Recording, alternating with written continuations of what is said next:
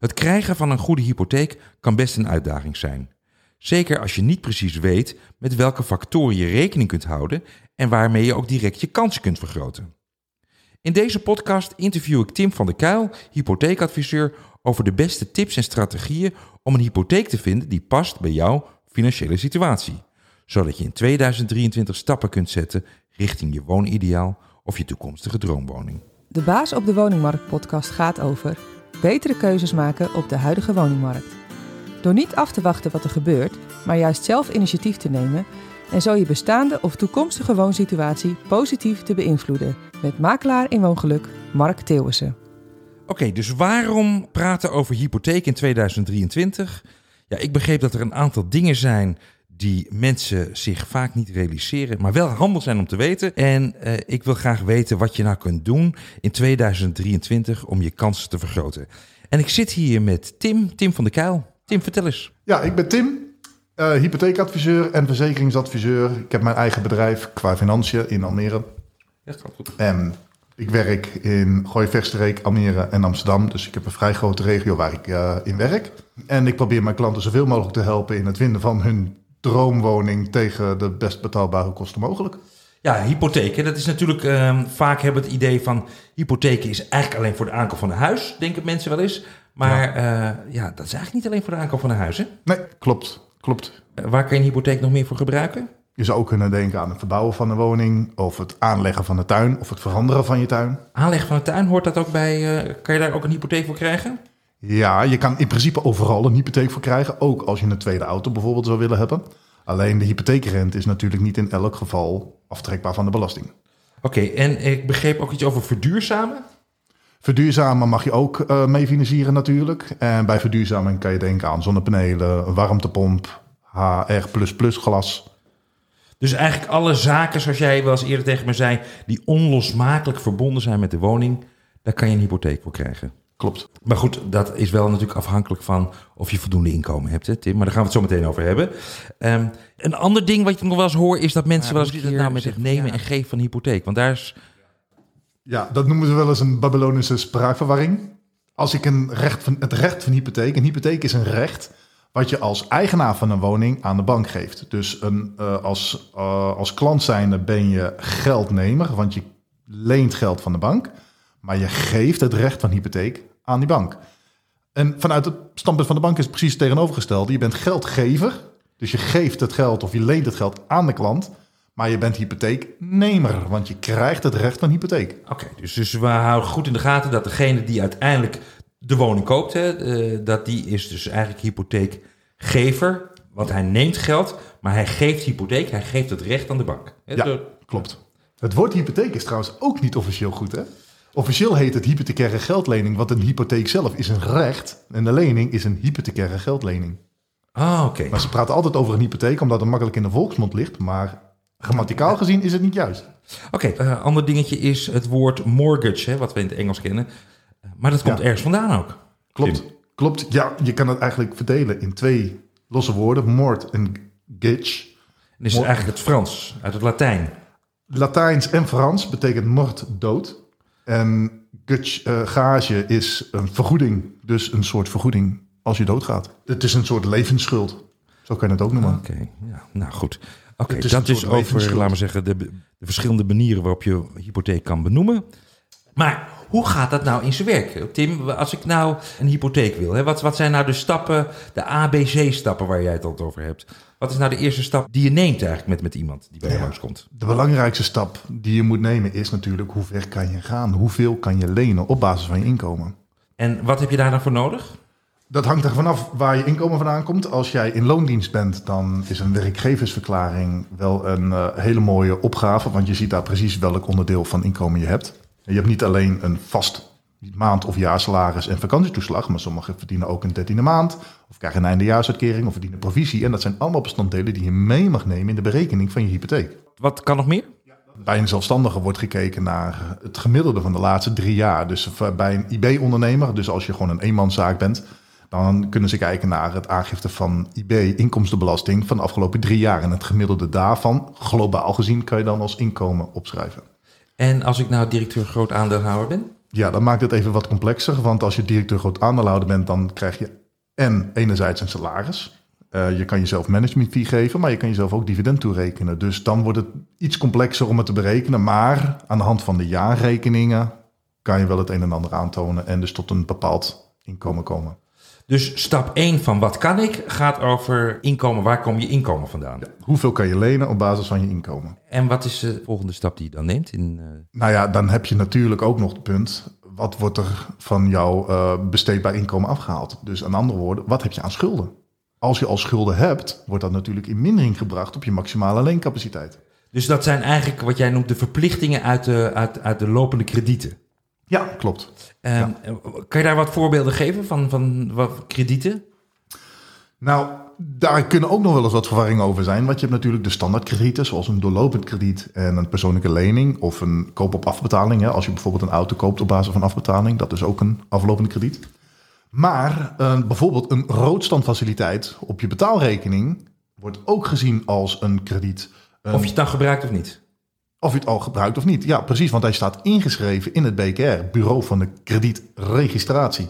Met, andere woorden, alle kredieten worden als het ware geregistreerd in één centraal systeem. Maar begrijp dus goed dat het over de faciliteit gaat? Dus het gaat niet eens zozeer over hoeveel je rood staat, maar het feit dat je rood kan staan? Ja, dan kijken ze dus naar tot hoever je rood kan staan. Dus het limiet wat jij toegewezen hebt gekregen. En dat geldt ook voor een creditcard bijvoorbeeld. Een heleboel mensen die denken, ah, ik heb een creditcard, maar ik gebruik hem niet. Dus het wordt niet gezien als een krediet. Jazeker, want op het moment dat jij dat creditcard beschikbaar hebt gekregen, wordt het geregistreerd in het systeem. En dat is meestal zo'n 2500 euro.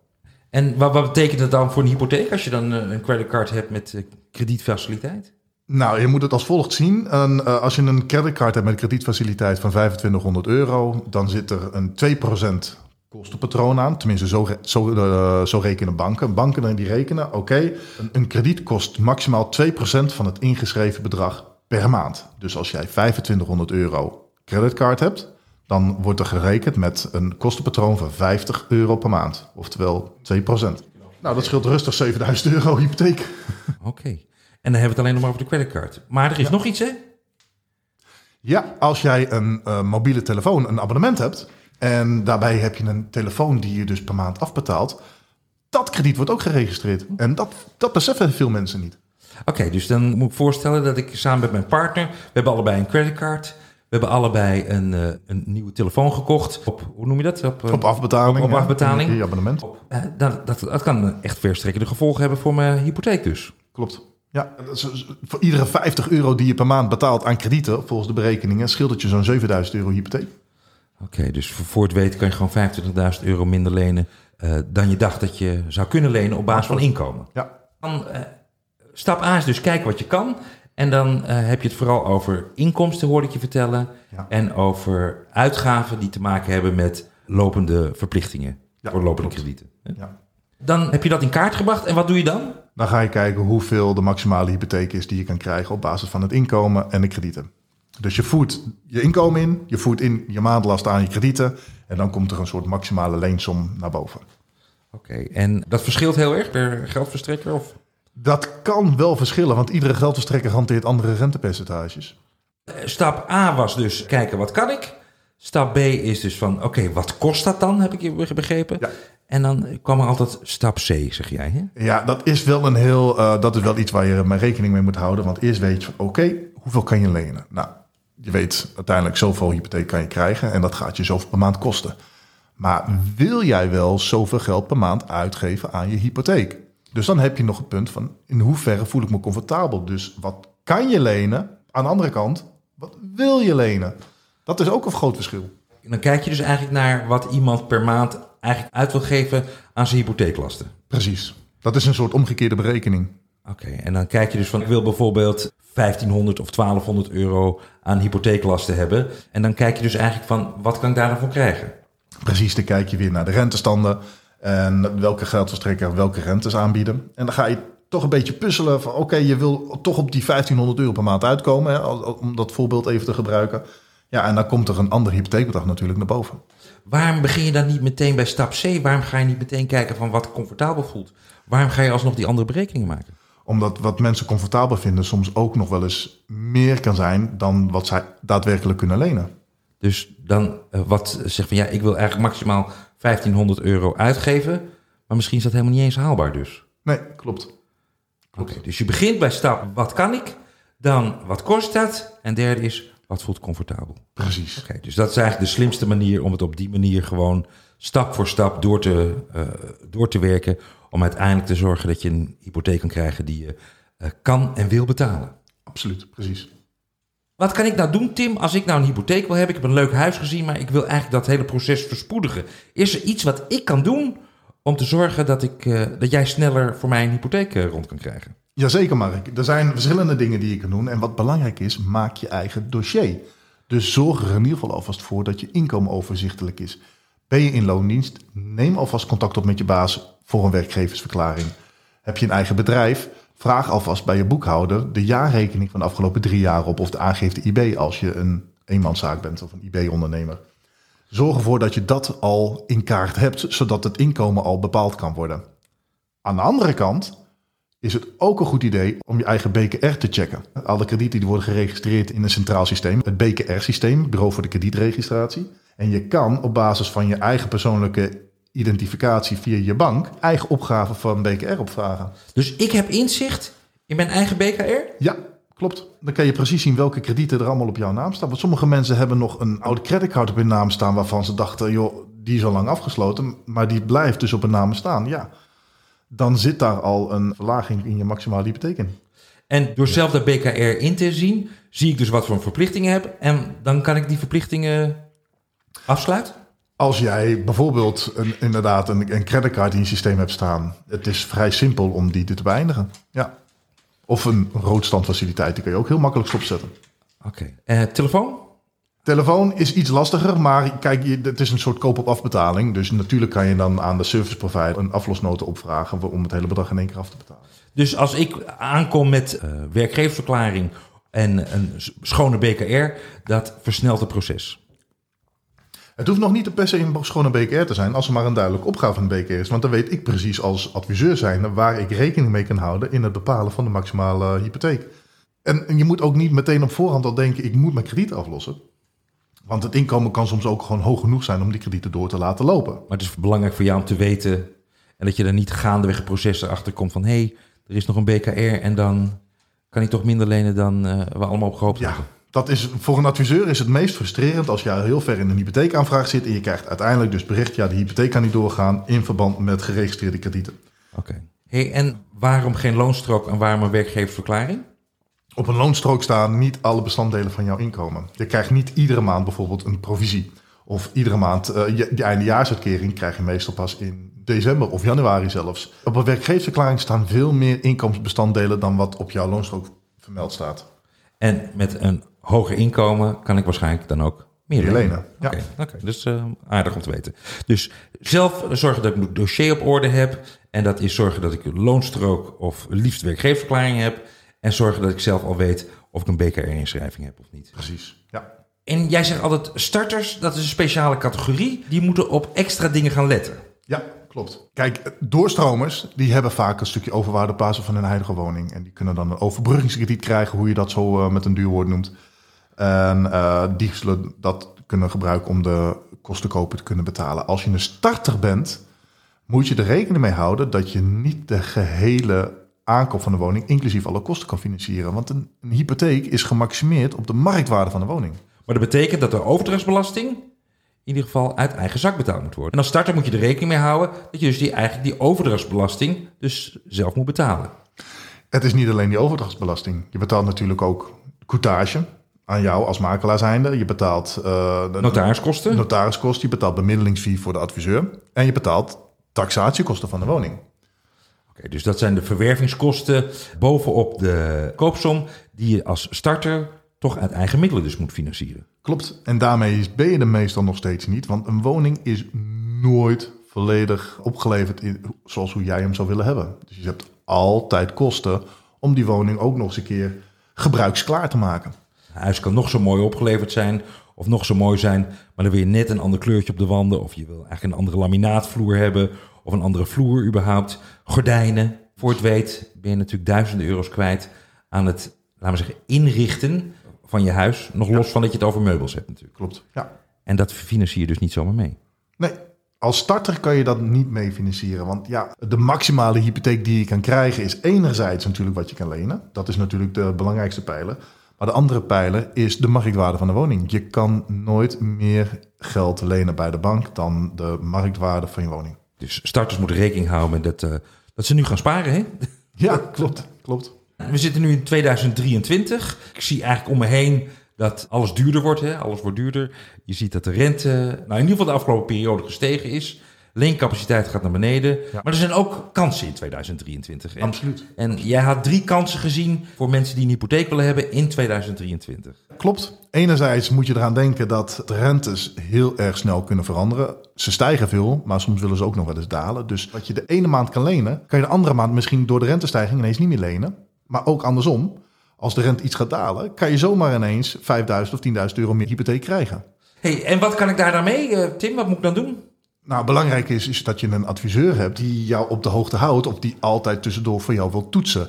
En dan niet alleen tussen 9 en 5, maar ook die een keer s'avonds voor jou wil kijken. Of een keer in het weekend, als je niet kan slapen, uh, omdat je met, bezig bent met kopen van huis. Want dat, daar worden mensen heel erg nerveus van. Dus het één op één contact met je hypotheekadviseur is misschien wel belangrijker dan ooit in 2023. Absoluut. Absoluut. Tim, wij hebben natuurlijk samen gewerkt. Dus ik weet dat als ik een aankoop deed, als aankoopmakelaar optrad, dat ik iedere keer voordat ik ging bieden, jou even belde. Hè, van Tim, ja. kan dit? Uh, en dat is eigenlijk ook een soort tussentijdse update. Ja, dat is een tussentijdse toetsing. En daarmee kon ik dan uh, steeds scherper op de snede kon ik een bieding neerleggen. Uh, tweede uh, kans? De tweede kans is, de, de, ja, je hebt natuurlijk nationale hypotheekgarantie. Een nationale hypotheekgarantie betekent eigenlijk een garantie die het Waarborgfonds eigen woning afgeeft. Met als gevolg dat je een lagere rente betaalt en dus net even iets meer hypotheek kan krijgen. En in 2023 is iets bijzonders? Hij is flink gestegen. Hij was vorig jaar 355.000 euro. Dus dat betekent dat je niet onder de 355.000 euro moest gaan kopen. En ze hebben dat in 2023 met 50.000 euro verhoogd naar 405.000 euro. Dus tot 405.000 euro kan je in 2023 nationale hypotheekgarantie krijgen. Ja, klopt. Ja. Hey, en er is nog een derde kans uh, die jij ziet? Ja, en dat is eigenlijk wel een hele goeie. Uh, want er is natuurlijk een grote inflatie. Dat betekent dat alles duurder wordt. Maar aan de andere kant stijgen de lonen ook met die inflatie mee. We zien veel stakingen. Het openbaar vervoer ging staken. Uh, de, de, de vuilophaaldiensten gingen staken. En we praten over gewoon inkomensstijgingen van 10, 11 procent. En tegelijkertijd zien we nog een andere beweging. Is, en dat kan ik als makelaar natuurlijk zeggen, is dat die woningmarkt tot rust komt. En in sommige plekken zelfs hier en daar daalt. Dus het verschil tussen, uh, laten we zeggen, de woningmarktprijzen en het inkomen. Ja, wat je maximaal kan lenen en wat je dus aan, aan de woning uitgeeft, dat komt steeds dichter naar elkaar toe. Dus je kan uiteindelijk gewoon meer lenen, meer kopen op basis van je salaris. Nou, in vergelijking met vorig jaar.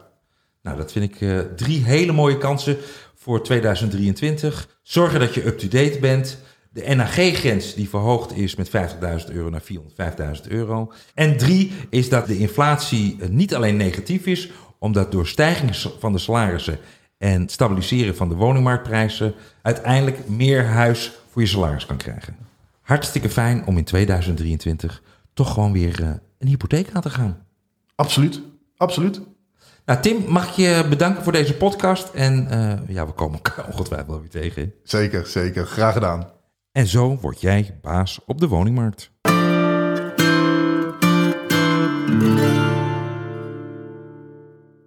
Nu de woningmarkt aan het kantelen is, is het tijd voor slimme verkopers om het heft weer in eigen hand te nemen. Om de juiste kijkers aan te trekken en van hen ook goede kopers te maken, heb je een doordachte marketingstrategie nodig met een onderscheidende presentatie. Je huis alleen maar even snel op funda zetten is niet langer voldoende. Mijn boek Je huis verkoop je zo is jouw ultieme gids om je woning succesvol te verkopen. Met een compleet stappenplan en waardevolle verkooptips en tricks van een makelaar met meer dan 20 jaar ervaring. Ontdek hoe jij jouw ideale doelgroep bereikt en daarmee je verkoopkansen vergroot. Leer hoe je een juiste vraagprijs bepaalt, een emotionele klik creëert tussen potentiële kopers en je huis en hoe je professioneel onderhandelt. Als jij serieus aan de slag wil met de verkoop van je appartement of woonhuis, bestel dan nu je huis verkoop je zo via de link in de show notes en word baas over je eigen verkoopproces. met succesvolle verkoop als het resultaat.